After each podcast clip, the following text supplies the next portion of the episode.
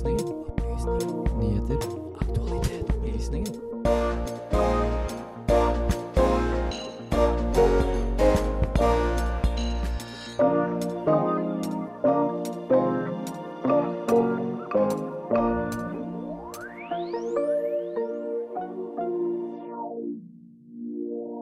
Det amerikanske mellomvalget gikk av stabelen denne uken. Er dette trumpismens siste krampespark?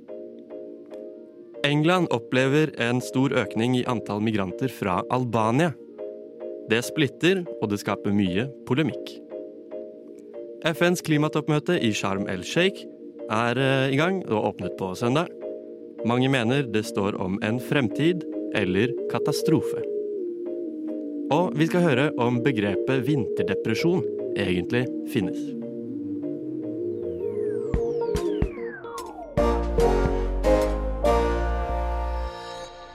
Hei, hei, hei. God fredagsmorgen. Du hører på Opplysningen 99,3 på Radio Nova. Mitt navn det er Benjamin Nortemø. Jeg skal lede deg gjennom denne fullpakkede sendingen vi har foran oss i dag. Eh, Jeg er heldigvis ikke alene. Jeg har med meg to eh, gode venner i studio. Har dere lyst til å introdusere dere selv? Nå skal jeg gjøre det. Mitt navn det er, eh, og har alltid vært, eh, Carl. Jeg eh, er også her denne fredagen. Ja, mitt navn det er per nå, og det har også alltid vært Frida.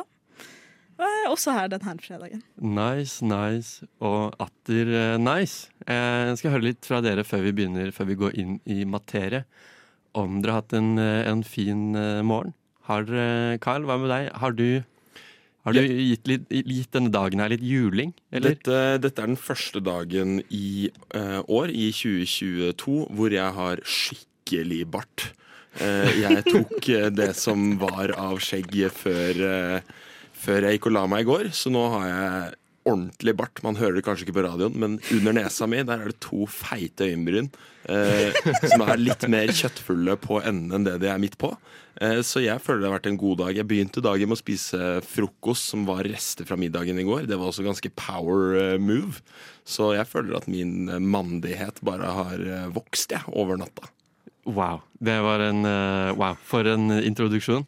Eh, nei, men Så hyggelig å høre, Karl.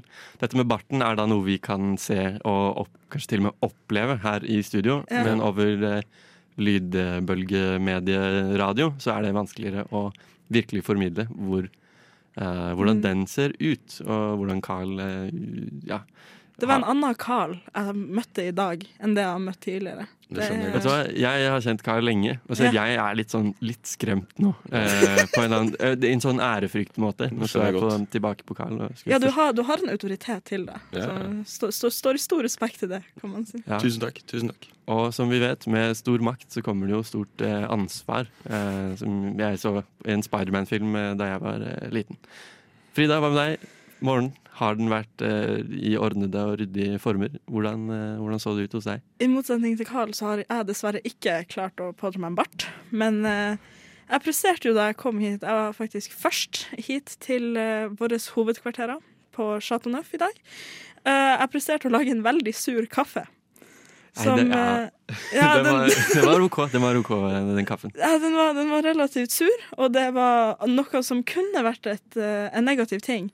Men jeg hadde tenkt meg gjennom, så jeg kjøpte meg en Red Bull før jeg kom hit. Så koffein, den, den kommer, og den suser, og jeg er i relativt godt humør, faktisk. Ja, det er sånn eh, det, er sånn det må være. Mm. Eh, Det som i hvert fall ikke er så surt, det er sangen du skal få høre nå. Det er en, eh, en ordentlig Radio Nova-banger. God dag og god fredag. Hjertelig god fredag morgen. God morgen, god morgen, god morgen og god morgen. God morgen og velkommen til Opplysningen, Radio Nova sitt samfunns- og aktualitetsmagasin. Med opplysningen 99,3 på øret, ja, da blir det en god fredagsmorgen. Opplysningen 99,3 hver fredag fra 10 til 11 på Radio Nova. Det stemmer. Du hører på Opplysningen 99,3, som eh, du alltid sikkert gjør. Kjære lytter, kjære lytter. Vi skal til USA. Eh, gratulerer, vi skal til USA. Eh, nei, vi skal i hvert fall figurativt eh, til USA og det amerikanske mellomvalget. Eh, Frida, kan ikke du begynne å introdusere oss inn i eh, mellomvalget? Det er sikkert mange som har fått det med seg. Eh, har du en sånn god tre sekunder soundbite på hva det er for noe?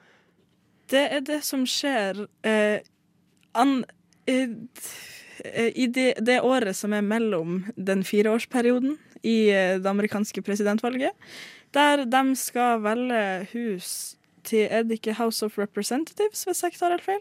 Jo, jo. Og det er godt over 400 plasser som skal tildeles da folk fra ulike stater. Så hver av statene går til eh, Går da demokratene mot republikanerne mot hverandre og får sine representanter inn. Valget, valgsystemet funker jo i stor grad på samme måte som det amerikanske presidentvalget, vil jeg også si. Mhm. Nei, det er en god, en god intro.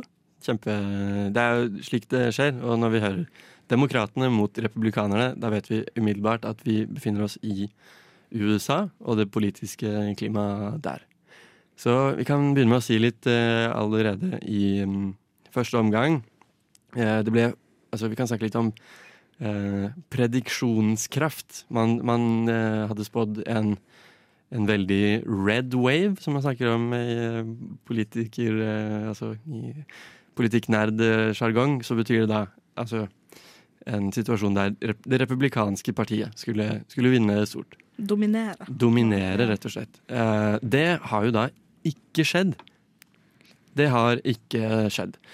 Så har vi jo Vi er alle godt kjent med den tidligere presidenten Donald Trump. Og slik det fungerer i USA, er det eh, gjerne vanlig at eh, populære politikere, og kanskje upopulære politikere også, eh, nominerer Altså forteller velgerne at det her er min utvalgte kandidat fra ditt valgdistrikt.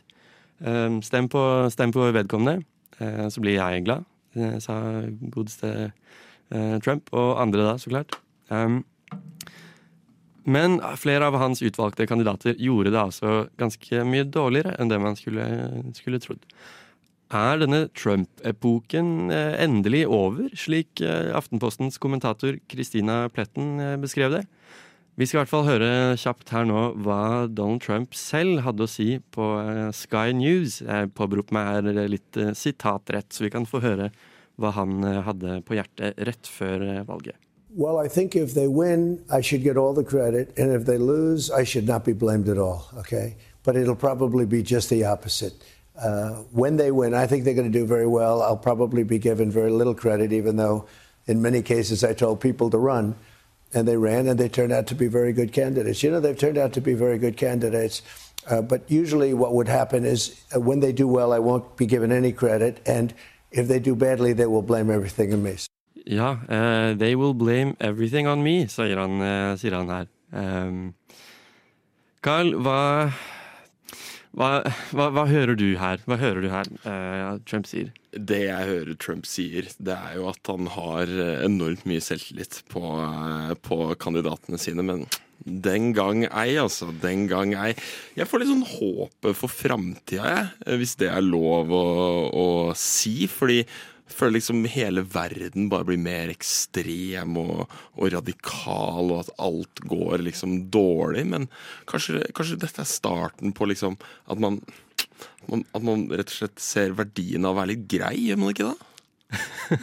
Ja, men det er fint, du, det er fint du, altså, så lenge du bare forklarer hvorfor du, hvorfor du har litt, fått litt håp Lurt tilbake. det. Lurt det. Så eh, skulle jeg si meg, i hvert fall på et personlig plan, eh, helt enig.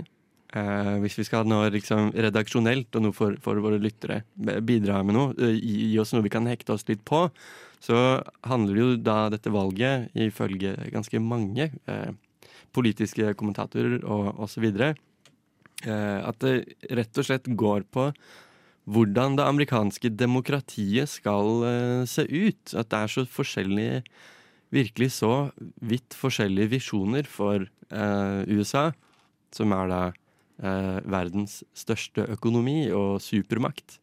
Hvordan skal ting på, på hjemmefronten, hjemmefronten i USA se ut?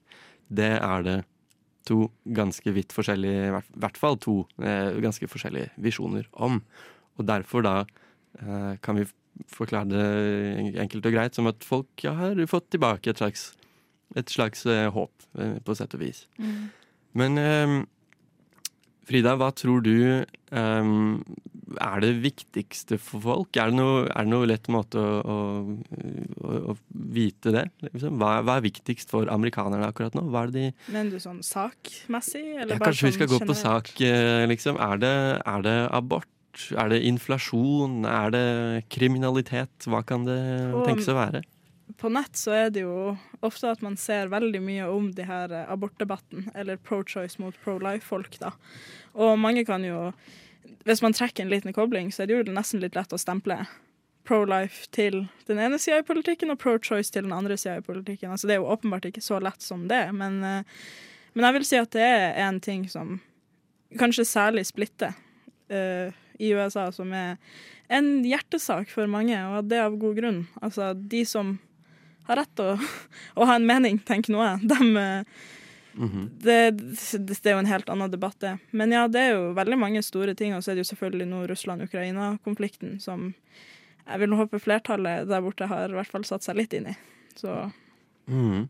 For vi kan snakke litt om, vi kan snakke bare bitte litt om, om abort, eh, abortsaken i USA. Det var jo slik at ehm, den, amerika den amerikanske høyesteretten eh, de valgte å rett og slett eh, tolke ehm, Roe versus Wade, en sånn eh, Man snakker om at det er sånn landmark eh, civil rights eh, case i USA. Så eh, generelt i USA så er det mange rettigheter som ikke nødvendigvis er helt grunnlovsfestet, eller som du kan finne i en, en, en lov, men som bygger på altså, tidligere rettsavgjørelser. Som det, det som da skjedde da tidligere altså forhenværende president Donald Trumps eh, kandidater til eh, Høyesterett, eh, da de fikk flertallet der, så mistet da plutselig eh, millioner av amerikanske kvinner eh, sin rett til eh, selvbestemt eh, abort, rett og slett. Og så har vi sett at flere stater ruller ut strengere, strengere og strengere regler, nå som den eh, Nå som den uh, føringen ikke ligger der. Så uh, spennende er det jo at man kan 50 år etter en dom er avsagt, uh, og når det går på politiske rettigheter, at man kan bare gjøre en helomvending og snu.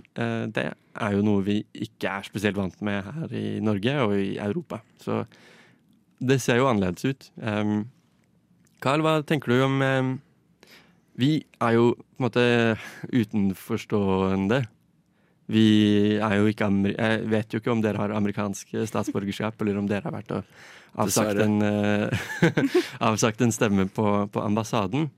Hva tror du hva tror du er forskjellen på hvordan uh, europeere og amerikanere kanskje tolker det som skjer nå? Er det noe forskjell eh, på det? Hva, hva tenker du? Det er jo to veldig forskjellige kulturer, da. Det er jo ikke Må man jo virkelig ikke glemme. Så er det jo lett for oss her i Norge å sitte på vår høye nordiske oppdrettslaks, eller høye hest da, eventuelt, og, og, og mene og synse så mye om hva som foregår der borte. Men eh, fankeren i ankeren, altså vi må ikke glemme at de har helt andre briller å se verden gjennom enn hva vi har. Kjempeviktig det. Og dette med abort høres jo helt eh, sært ut for eh, oss, men eh, for amerikanere så stikker det kanskje dypere, da. Jeg veit ikke. Det er gode refleksjoner her i studio. Jeg tror vi jeg runder av, men i hvert fall eh, like før det skal vi bare ha det eh, erklært at det er fortsatt litt usikkert hvem som eh, får et flertall i, i Kongressen. Så eh, eh, det er mye som fortsatt eh, står på spill, og i de neste dagene og kanskje til og med ukene også får vi finne ut hvem som blir eh, ny senator fra Georgia, blant annet. Det er et stort, eh, viktig Det er en sånn vippepinne der i Georgia og i eh, Arizona og Nevada. Så tre delstater der som fortsatt kanskje eh, høvelig er eh, på spill. Ja, vi må bevege oss eh, videre i eh, det radiofoniske landskapet. Du skal få en eh, låt her nå på lufta. Her får du.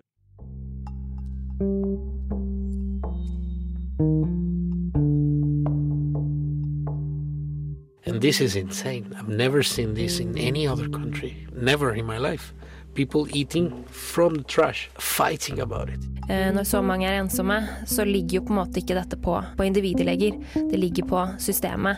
Vi er i ferd med å ødelegge evnen vår eh, permanent kognitivt i hjernen til å konsentrere oss over lengre tid.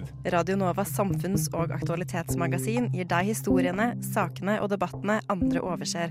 Aldri redd, alltid balansert. Opplysningen 99,3.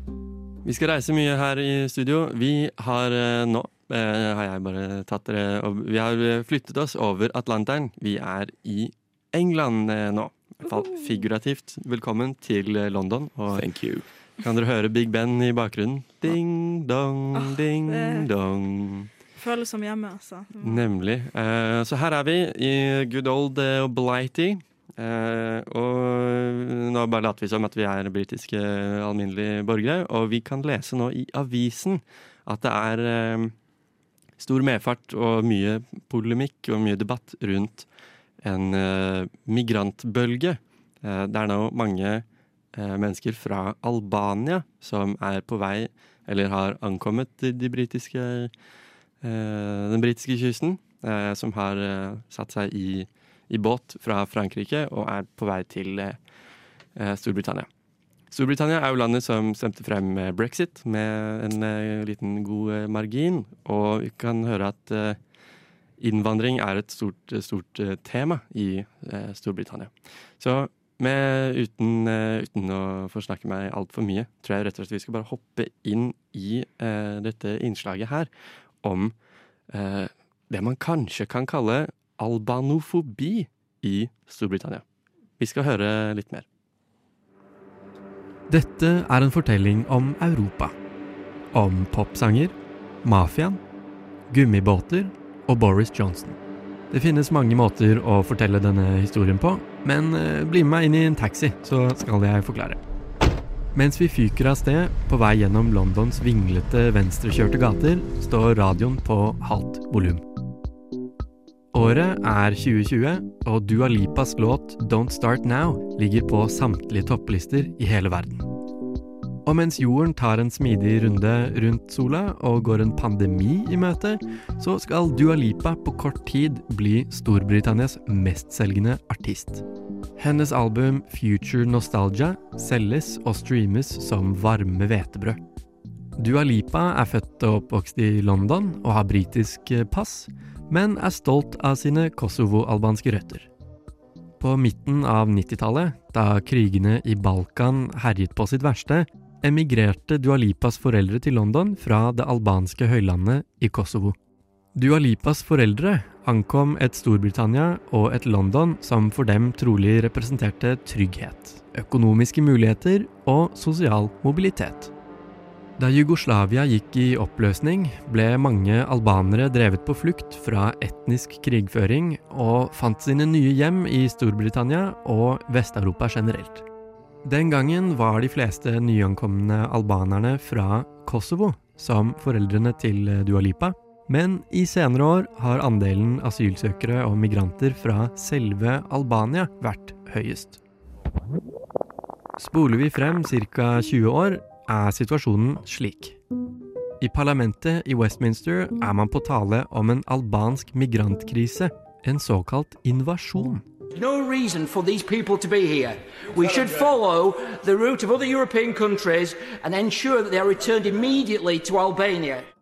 Der hørte du James Daly, parlamentariker fra det britiske konservative partiet.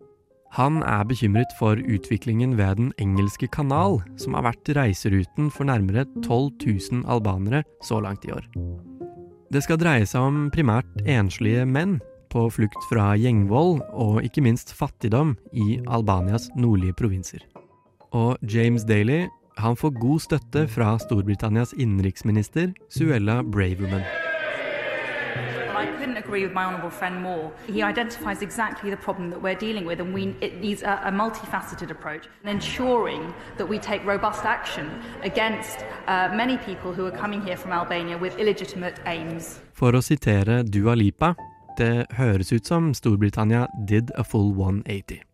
Hva er det egentlig som har skjedd? En av Boris Johnsons gjøremål som statsminister var å få på plass en utleveringsavtale til Albania. Den kom på plass i fjor, og har bestått som det gjeldende rammeverket, nå gjennom tre konservative regjeringer i 10 Downing Street. Boris Johnson måtte som kjent gå av, og ble erstattet av Liz Truss. Liz Truss valgte seg Suella Braverman som innenriksminister før hun selv måtte gå av. Den nye statsministeren Rishi Sunak har valgt å beholde Braverman i ministerposten, og den skjerpede retorikken rundt albanerne har bestått. Det konservative partiet begrunner det hele i at denne bølgen med albanske albanere, til forskjell fra Kosovo-flyktningene, ikke reiser til Storbritannia på legitimt eh, grunnlag. At de ikke betaler skatt og jobber svart. Så mener nok ikke verken James Daly eller Suella Braverman at denne beskrivelsen her gjelder alle de 140 000 albanerne som bor i Storbritannia. Riktignok så fremstår denne retorikken ganske streng for mange. I de siste dagene har det vært stor misnøye i det albanske miljøet. Kanskje aller tydeligst i denne kronikkoverskriften fra avisen The Guardian denne uken. We Albanians are just the latest scapegoats for Britain's failing ideological project.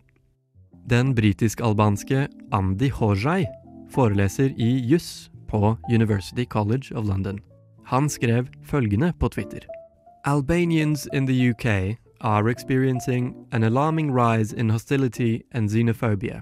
Many people in our community feel targeted by this rhetoric. Kontrasten den kunne nok ikke vært særlig mye større til 2010, da tidligere statsminister Tony Blair dro på besøk til Kosovo. For der møtte han nemlig Tony Blair. Rettere sagt flere Tony Blairs. Som et uttrykk for sin takknemlighet valgte mange nybakte foreldre i Kosovo å oppkalle sine barn etter ham. Fordi Storbritannia hadde grepet inn militært for å stoppe et folkemord. Både gutter og jenter kan da i Kosovo hete Tony Blair. Og det er stadig flere kontraster. Mens Storbritannia fullfører sin utgang fra europeiske regler og rammeverk, ønsker nemlig et flertall både i Albania og Kosovo å komme seg inn i Den europeiske union. I deres mest heldige scenario, allerede i 2025, kan begge landene formelt begynne denne prosessen. Ja, jeg sa det var mange måter å fortelle denne historien.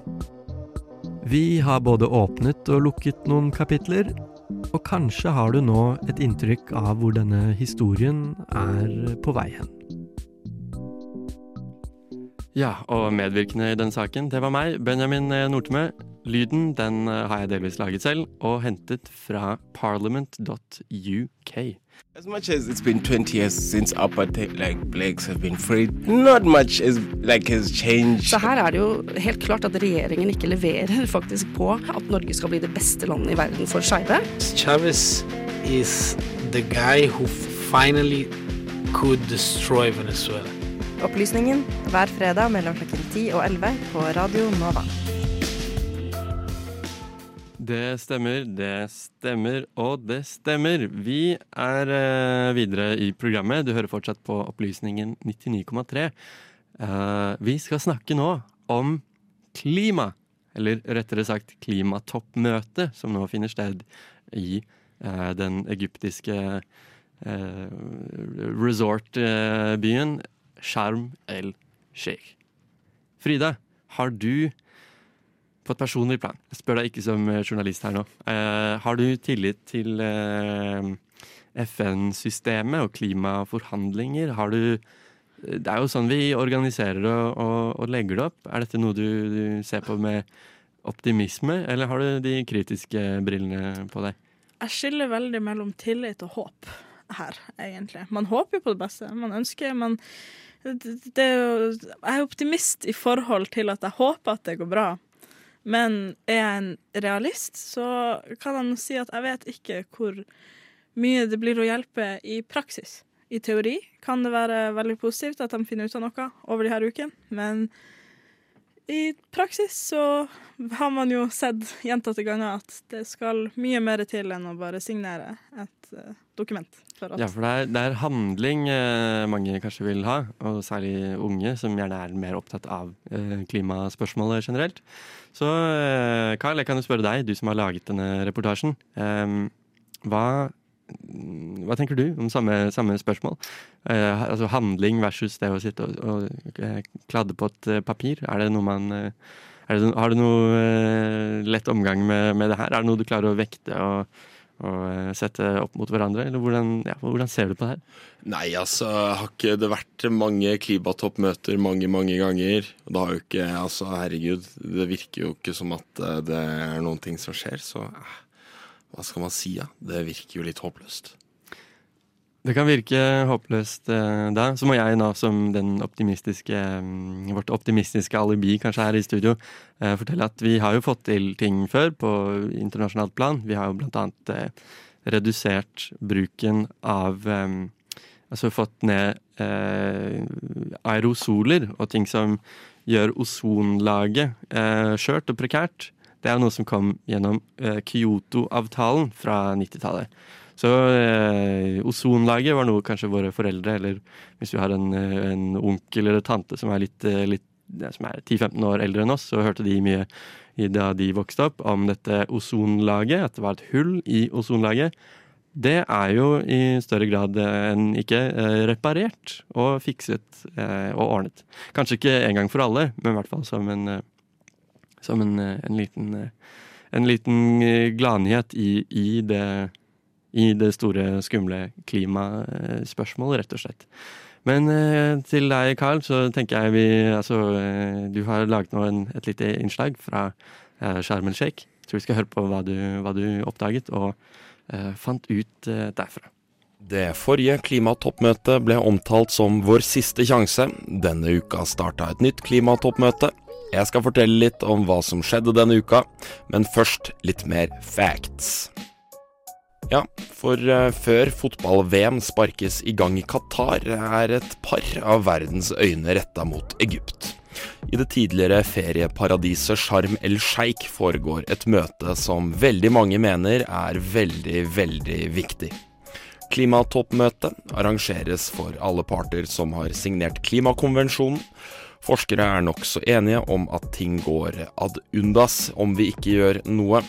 Håpet er at møtet vil være et vendepunkt i klimakrisen, et samlingspunkt hvor avtaler og løfter vil tas videre til prosjekter og programmer. Mange mener at dette møtet blir helt avgjørende for å redde jorda, men det mente man også forrige gang. Møtet starta altså denne uka og det skal holde på i noen uker, men her er en liten liste over ting som har skjedd så langt. For det første, over 600 lobbyister for noen av selskapene som rangeres som verdens største forurensere, har registrert seg som deltakere ved toppmøtet. Det er 25% flere enn ved fjorårets møte i Glasgow i Skottland. Dette er et høyere antall med lobbyister enn fra de ti hardest rammede landene til sammen, og et av de viktigste temaene på konferansen er hvordan de hardest rammede landene skal bli kompensert for sine skader som følge av global oppvarming. Og en skatt på fossilbransjen er et av forslagene som har blitt tatt opp fra talerstolen på møtet, da. For det andre, på onsdag presenterte USAs klimautsending John Kerry en plan som vil gjøre det lettere for private selskaper å bidra til at utviklingsland skal klare overgangen til bruk av grønnere energi. I korte trekk går planen ut på at pengene fra private fond skal brukes til å hjelpe utviklingsland med overgangen til renere energi gjennom salg av såkalte karbonkreditter. De kan selskapene i sin tur bruke til å redusere egne avtrykk og kalle seg utslippsfrie. Og til slutt, FNs generalsekretær Antonio Guterres åpna hele haraballet med en tale der han bl.a. sa at vi var på vei mot et klimahelvete. Han la også til at vi var på vei mot dette helvetet med foten på gasspedalen. Det at Guterres la såpass lite opp til fantasien, fikk flere norske klimaforskere til å reagere. Flere av dem mener at forskningen ikke beviser at verden vil gå under hvis man ikke når målene fra Parisavtalen. Likevel mente flere av dem at det er bra at han tar klimakrisen på alvor. Uansett, møtet varer frem til 18.11, så da blir det spennende å se om han får redda verden denne gangen. Takk til eh, Carl Biel, som har vært eh, medvirkende og laget denne reportasjen. Det blir eh, spennende å se. I mellomtiden får vi kose oss med en låt fra eh, Aksel Rosé. Du, Sander? Ja? Hvorfor har du blitt så smart i det siste? Jeg vet ikke, jeg har spist epler og havregrøt. Og så har jeg hørt på opplysningen, da. På Radio Nova. Det kan du også gjøre. Eh, det regner jeg med at du faktisk kanskje allerede gjør. Du hører på Opplysningen 99,3 eh, her på Radio Nova, eller på podkast, om, om, det er det du gjør. Vi skal snakke litt om eh, vinterdepresjon. Det er et begrep mange har en, hva skal vi si, en kjennskap til. Det er kanskje vanskeligere i dag, nå som det er så fint vær her i Oslo by, at uh, nå tenker ikke jeg på vinterdepresjon i det hele tatt. Nå finnes ikke det ordet i mitt vokabular. Hva var det vi skulle snakke om? Hva, hva, hva, var det for noe? Jeg husker, jeg husker ikke. Jeg har glemt det helt fullstendig. Um, fordi, fordi, fordi, fordi. Vinterdepresjon er et litt omdiskutert begrep, har vi funnet ut her i redaksjonen. At det kanskje ikke er så god hold eh, for eh, å kalle det vinterdepresjon i det hele tatt. Fordi det i det hele tatt er jo folk som eh, utvikler depresjon i alle årets tider. Og på alle kontinenter og så videre, og steder der det også ikke er så mørkt om, om vinteren. Så det er da denne relativiteten som er litt, litt, litt, spennende. Men jeg tenkte jeg skulle spørre deg, Frida, for du kom jo fra Tromsø. Eh, et uh, mørkere og kaldere, men også skjønnere kanskje sted enn det Takk, Oslo kan noen gang drømme om å være. Prøv å dra deg inn her. Liksom. Ja, hei, jeg må, jeg må uh, vekte det litt opp. For du, du sa noe her mens vi hørte på musikk. Du sa et eller annet om, om Tromsø. En liten sånn Det er byen der det er mest Altså, det, det, er liksom Jeg vet ikke hvordan statistikken er nå, men Tromsø har i hvert fall Jeg mener, kanskje det var i fjor eller i forfjor, så var det byen med høyest uh, selvmordsrate i Norge, var det kommet inn statistikk på. Og uh, altså man, det er jo litt vanskelig å ikke tenke at det kan ha noe med det faktum at vi har en veldig, veldig mørk og lang vinter. Og det har liksom alltid liksom vært, vært, en forklaring eller en begrunnelse. Og man er ikke sjokkert når vinteren kommer og man er sånn ja, livet var litt mye kjedeligere nå enn for et par måneder siden. på en måte. Så, men altså, hvor mye det korrelerer, det vet man nå ikke. Men uh, statistikken sier noe sitt. Ja, Det er i hvert fall uh, kjempespennende. Uh, og Vi skal få høre hva vår reporter Alexander Klyve Gudbrandsen fant ut i et intervju han har gjort med en psykolog. Huff. Nå er det mørkt, kaldt og vått ute. Selv om det er litt mildere i landet vårt nå for tida enn det vanligvis er i november, så er det nok mange som begynner å føle at sommeren begynner å bli et fjernt minne. Og det er lenge til våren melder sin ankomst. Mange kan nok synes at den årstida vi er inne i nå er litt skip, og noen føler seg nok litt nedstemte. Og for noen er det så ille at eh, man kan snakke om en regelrett depresjon. Og noen opplever å bli deprimerte på omtrent samme tid på året, år etter år. Men er vinterdepresjon en eh, psykisk lidelse? Vi tok en eh, snakk med psykolog eh, Christopher Whittaker hos Modum Bad for å finne ut mer. Først av alt, hva er egentlig dette med høst- og vinterdepresjon for Norge? Er det en egentlig psykisk lidelse? Altså, jeg syns egentlig konseptet vinterdepresjon er jo et interessant i seg selv. Fordi det er jo noe vi snakker veldig mye om. Det er jo for veldig mye mediedekning.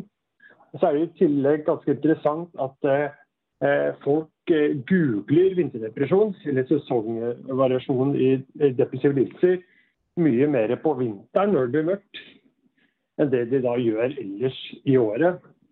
Så det, det åpner opp et spørsmål om vinterdepresjon er eh, noe som er faktisk, altså utbredt i befolkningen generelt, Eller om det er en eller annen sånn type eh, Hva kan man si? Ja? En slags sånn eh, tillegg. En måte vanlig, vanlige depressive lidelser eller symptomer eh, varierer i løpet av et år på. Så eh, jeg vil si at det kommer litt an på. I, i f.eks. diagnosemanualer så er det ikke en diagnose som heter vinterdepresjon. Eh, men det er en slags sånn tilleggskode som har kommet inn i nyere tid for eh, depressive lidelser da, generelt. Nei, så ikke, så det, det, kommer litt an på hva man tenker depresjon er. Eh, hvis man tenker at depresjon er en slags eh, psykisk lidelse, og at den kan variere med sesonger, så er svaret ja. Men, eh, men hvis man tenker at vinterdepresjon er noe som forekommer i, slags, i hele befolkningen. Da. La oss si at eh, mennesker, nordmenn, blir mer deprimerte om vinteren eh, på generelt grunnlag, så er jeg nok mer tvilende. Da. Og det er det en del studier som peker imot også. Ja, akkurat. ja. For det er jo det vi har vært litt nysgjerrige på òg, hvor utbredt dette egentlig er i befolkningen. Ja, Eh, man vet jo at eh, f.eks. Eh, at depresjon generelt da, er, har en utdelelse på ca. 5% til 7,5% i verdensbefolkningen. Eh, men hvis man ser på eh, vinterdepresjon, så er jo det har jo en ganske lik sånn prevalens. Men det som er litt problematisk, da, er jo at man finner ulike tall ut ifra hvor i verden man er. Fordi en av på en måte kan du si, hypotesene eller antagelsene bak vinterdepresjon er jo at det er forårsaket av at det er mindre lys på vinteren. Ikke sant? Mm. Og eh, Det som er litt eh, vanskelig da, er at man f.eks. finner en høyere prevalens av såkalt vinterdepresjon eh, ved ulike breddegrader, uavhengig om det er nærmere Eh, eh, Nordpolen eller Sørpolen, hvis du er på andre, andre halvkulen, altså, eh, enn det du finner ellers. Så, la meg si det mer tydelig. da. eksempel så eh, har man funnet at eh, det er 9,7 ikke sant? Altså i USA som lider av en såkalt vinterdepresjon. Mens eh, prevalensen f.eks. på Island, da, som er lengre nord, er lavere. Så ideen om en vinterdepresjon som er eh, avhengig av eh, breddegrad, da, uh, gir ikke nødvendigvis helt mening. Nei. Mm. For Du ville jo trodd at, at, mennesker i Finnmark var mer deprimerte enn mennesker i Oslo på vinteren. Men sånn er det altså ikke? Men sånn er det altså ikke. Nei. Så studiene på vinterdepresjon, da, eller på, også på prevalens av, av, depresjon avhengig av årstider, eh, overlapper ikke. Nei, så det er ikke nødvendigvis sånn at eh, forekomsten av depresjon i befolkningen er veldig mye høyere på vinterstid enn på sommerstid? Nettopp. Det er poenget. Men, men kan man òg snakke om at at det er noen som får årlige depresjoner på sommerstid? Altså at det finnes noe som er liksom motsatt av vinterdepresjon. Ja. ja. Og det er akkurat det at det, eh, ulike typer depresjon er ikke nødvendigvis bare på vinteren, men da også på våren. Ja. Så sånn sett så ser du at depressive lidelser svinger med årstidene. Men grunnene til hvorfor de gjør det, er ikke nødvendigvis så tydelig som man allment går rundt og tenker om en vinterdepresjon. Hvis du snakker med nordmenn, hvis du leser media nå, bare dere, at dere har denne reportasjen her, sier noe om at man er veldig opptatt av at man blir mer deprimert om vinteren. Altså det er, en, det er på sett og vis noe samfunnsmessig og noe folkelig. Det er en slags historie vi forteller oss selv om at når det blir mørkt, så blir man mer deprimert også. Så det, Ironien er jo at denne reportasjen potensielt bygger opp under denne historien om at vinter er noe man blir deprimert av. Ja, ikke sant. Det er et godt poeng. Ja, vi får prøve å uh, motvirke den eh, myten eller oppfatningen eh, litt. grann. Jeg prøver, å, jeg prøver å gjøre mitt beste selv. Ja, ikke sant. Men eh, når folk eh, får depresjoner, enten det er på vinterstid eller på sommerstid, og det er snakk om noe man får kanskje årlig, hvordan behandler man dette? Altså, igjen da, for å uh, gi et lite pek mot dette vinterdepresjonskonstruktet, så er det jo slik at uh, det har man ofte tenkt at siden folk blir mer deprimert på vinteren, så er det det de trenger er altså Gitt at man tror det, da. Så er det det folk trenger, da, er lys. Så er det lysbehandling. Men så viser det seg jo at samtaleterapi er mer effektivt enn det lysbehandling er. Så med andre ord, med alle depresjoner så er jo den mer eh, tradisjonelle samtaleterapien, om det måtte være en korttidsdynamisk terapi eller en kognitiv terapi, så vil det være mye mer effektivt på å, eh, og målrettet mot problemet som fyrer opp under depresjonen, enn det en, for en såkalt lysbehandling vil, være. En lysbehandling vil i verste fall eh, eh, sørge for, eller gjøre at den som er deprimert, ikke oppsøker den riktige type behandlingen fordi de, de tror de mottar riktig behandling ved at de setter seg foran et sånn UV-lys eller hva det måtte være, for 30 minutter om, om eh, dagen. Da. For enkelte mennesker vil jo bli mer deprimerte, eller enkelte mennesker som allerede har depresjonslidelse, vil bli mer deprimerte om vinteren. Er, jeg sier ikke at det ikke skjer, jeg bare sier at på befolkningsnivå så er ikke det nødvendigvis slik. Men for den enkelte så vil jo det da, da være viktig å eh, finne måter å kompensere på. ikke sant? Fordi F.eks. Eh, finne steder de kan trene, finne måter å spise sunt på, finne måter å være sosial på. Det er, jo sånn at På vinteren så blir det jo vanskeligere å f.eks. Eh, jogge ute. ikke sant? Så da må du kanskje begynne å finne et treningssenter istedenfor. For noen mennesker vil jo kanskje slutte å jogge om vinteren og bruke mer tid hjemme. ikke sant? Og da også kanskje være mindre sosial. Så det handler om å tilpasse livet sitt, så man kan fortsette å gjøre de gode tingene selv om det blir mørkt ute, selv om det blir eh, vått og grått. da. Det høres ut som veldig gode oppfordringer til våre lyttere der ute. Mm -hmm. Tusen takk for at du stilte opp til dette intervjuet. Det var veldig lærerikt og interessant. Bare hyggelig. Men det som også er rystende, er på en måte at hvor mye av det som i 2011-2012 opplevdes som helt vanvittig, det er liksom gått inn i et slags sånn politisk hverdagsspråk nå. Veldig mange av de holdningene. Radio Novas samfunns- og aktualitetsmagasin gir deg historiene, sakene og debattene andre overser. Aldri redd, alltid balansert. Slik er det altså. Vi er aldri redd, og vi er alltid balansert eh, her i Opplysningen. Og vi nærmer oss nå siste, siste post på programmet. Det vil si, vi er her allerede, dessverre. Alle gode ting de får også sin, sin om, Ja. Må omsider også eh, komme til en, et sluttpunkt. Tusen takk for at dere har hørt på og vært med oss eh, her i Opplysningen. Eh, vi her i studio, det er da meg, Benjamin Nortomø.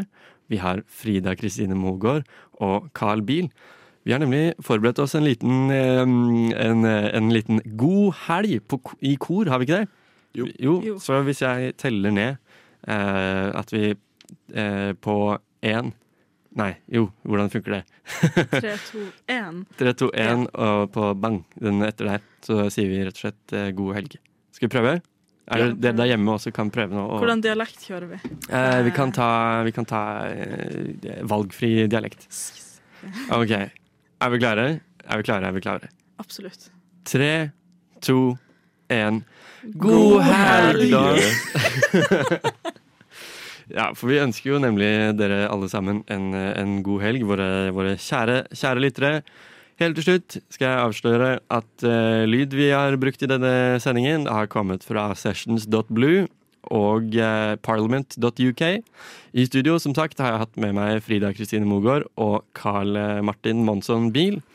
Medvirkende til denne, disse reportasjene har vært Alexander Klyve Gudbrandsen, Carl Biel og Benjamin eh, Nortemø. Og med det, kjære lytter, så setter vi over til eh, en låt.